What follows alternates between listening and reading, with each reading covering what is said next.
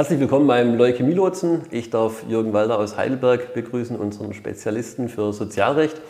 Hallo. Hallo Jürgen. Wenn das Krankengeld ausläuft, ich bin länger krank, gibt es den Begriff ausgesteuert. Was hat es damit zu tun? Das bedeutet schlicht nur, dass der Anspruch auf Krankengeld ausgeschöpft ist. Ne, man hat 78 Wochen Anspruch auf Krankengeld in einer Blockfrist von drei Jahren.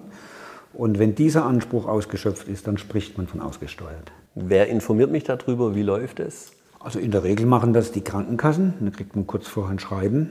Ähm, da steht dann eben drin, dann und dann wird, oder Sie haben so und so lange äh, Anspruch auf Krankengeld gehabt, sind seit dann und dann Arbeitsunfähigkeit geschrieben, der Anspruch wird dann und dann beendet sein. Steht ans Datum drin und das weitere Vorgehen wird empfohlen von der Krankenkasse. Wie sieht es aus, das weitere Vorgehen? Was mache ich, wenn das Krankengeld ausläuft, wenn ich ausgesteuert werde?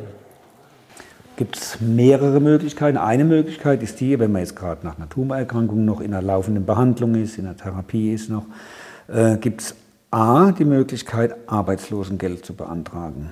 Es kommt einem seltsam vor, wieso Arbeitslosengeld, weil wenn ich, die meisten Menschen kriegen ja Krankengeld, wenn sie einen Arbeitsplatz haben, aber halt nicht arbeiten können, weil sie krank sind. Und arbeitslos, ein Anspruch auf Arbeitslosengeld entsteht ja eigentlich nur dann, wenn man arbeitslos ist und wenn man dem Arbeitsmarkt zur Verfügung stehen kann. Dieses Arbeitslosengeld nach Ende des Krankengeldes oder nach der Aussteuerung ist eine Ausnahmeregelung, ist traditionell beim Arbeitsamt eben angesiedelt und soll eben diese Phase, wo noch nicht ganz klar ist, wo es denn hingeht nach einer Erkrankung, entweder Richtung zurück ins Berufsleben oder möglicherweise vielleicht doch in eine Rentensituation, in eine befristete Rente, also diese unklare Zeit soll dieses Arbeitslosengeld 1 nach der Nahtlosigkeit, so nennt man das, soll das überbrücken. Das beantragt man beim Arbeitsamt. Das steht dann auch in den Schreiben der Krankenkassen in der Regel drin. Melden Sie sich beim Arbeitsamt und beantragen Sie Arbeitslosengeld. Das beantragt man dort. Und es hat nochmal unterschiedliche Voraussetzungen jetzt im Vergleich zu dem normalen, sage ich jetzt mal, Arbeitslosengeld.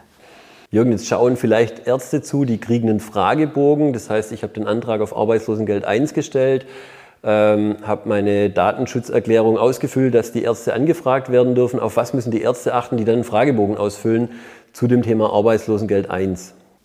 Das ist eine gute Frage und wichtige Frage für die Patientinnen und Patienten. Die können nämlich dann auch ihre Ärzte briefen.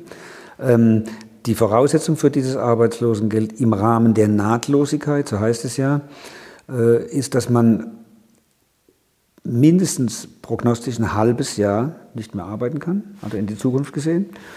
Das ist das eine. Das andere ist, dass das Leistungsvermögen aktuell unter drei Stunden täglich liegt. Also maximal 15 Stunden in der Woche. Und das prüfen die Sozialmediziner beim, bei der Arbeitsagentur, beim Arbeitsamt.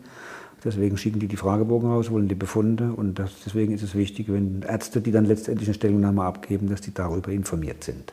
Das heißt, dieses halbe Jahr prognostisch nicht arbeitsfähig läuft rein Reha-Phase, falls man die machen möchte, plus läuft ein berufliche Wiedereingliederung. Das ist alles mit drin, also die, eine Phase, in der man arbeitsunfähig ja. ist, sozusagen. Die Arbeitsunfähigkeit, wenn das wenn dieser Anspruch auf Arbeitslosengeld 1 im Rahmen der Nahtlosigkeit, wenn der mal von der Arbeitsagentur geprüft ist, dann wollen die auch keine Arbeitsunfähigkeitsbescheinigung mehr, sondern das ist dann festgestellt vom Sozialmediziner. Ähm, was die machen, wenn auch keine Reha beantragt ist, die fordern auf, eine Reha zu beantragen, weil dieses Arbeitslosengeld ist ja eine reine Übergangsleistung, sage ich jetzt mal. Und um zu gucken, wo der Zug denn hinfährt, ne? Richtung Erwerbstätigkeit wieder, zurück an den Arbeitsplatz oder eben dann doch vielleicht in Richtung einer befristeten Rente. Und dazu ist die Reha dann letztendlich äh, ähm, die, äh, die Maßnahme, in der man das Leistungsvermögen prüfen kann. Also wir erleben das, wenn man prognostisch schon mal klar macht, wie ist der Weg, so und so lange ist die Therapiephase vorgesehen. Bis dahin würden wir einen Reha-Antrag stellen, dass das eigentlich von der Arbeitsagentur im Normalfall auch so akzeptiert wird. Für die Betroffenen ist noch wichtig, dass sie eben äh, bei dieser Antragstellung dass sie natürlich ihr fiktives Leistungsvermögen, sage ich mal, ihr Restleistungsvermögen, das auch in den Dienst des Arbeitsmarktes stellen müssen. Die werden gefragt. Und sind sie bereit, im Rahmen ihres Restleistungsvermögens noch, muss man sagen, ja, nicht nein. Manchmal schwer verständlich, weil man ist ja krank, aber das ist, wie gesagt, das ist eine Konstruktion, die dient dazu, diese Übergangsphase zu überbrücken. Das ist bei den Formularen eine komische Frage, weil man immer davon ausgeht, es geht jemand, der seinen Arbeitsplatz verloren hat, trotzdem ausfüllen. Ja. Vielen Dank, Jürgen. Ich glaube, das waren so die wichtigsten Informationen. Sehr gerne. Ach ja, bitte geben Sie uns Feedback zu dieser Episode unten in den Kommentaren. Wir möchten unsere Angebote immer besser machen. Wenn Sie also konkrete Fragen haben und Sie bestimmte Themen besonders interessieren, lassen Sie es uns unter dem Video oder per Mail wissen. Und übrigens, abonnieren Sie unseren Kanal, dann verpassen Sie keine weitere Folge.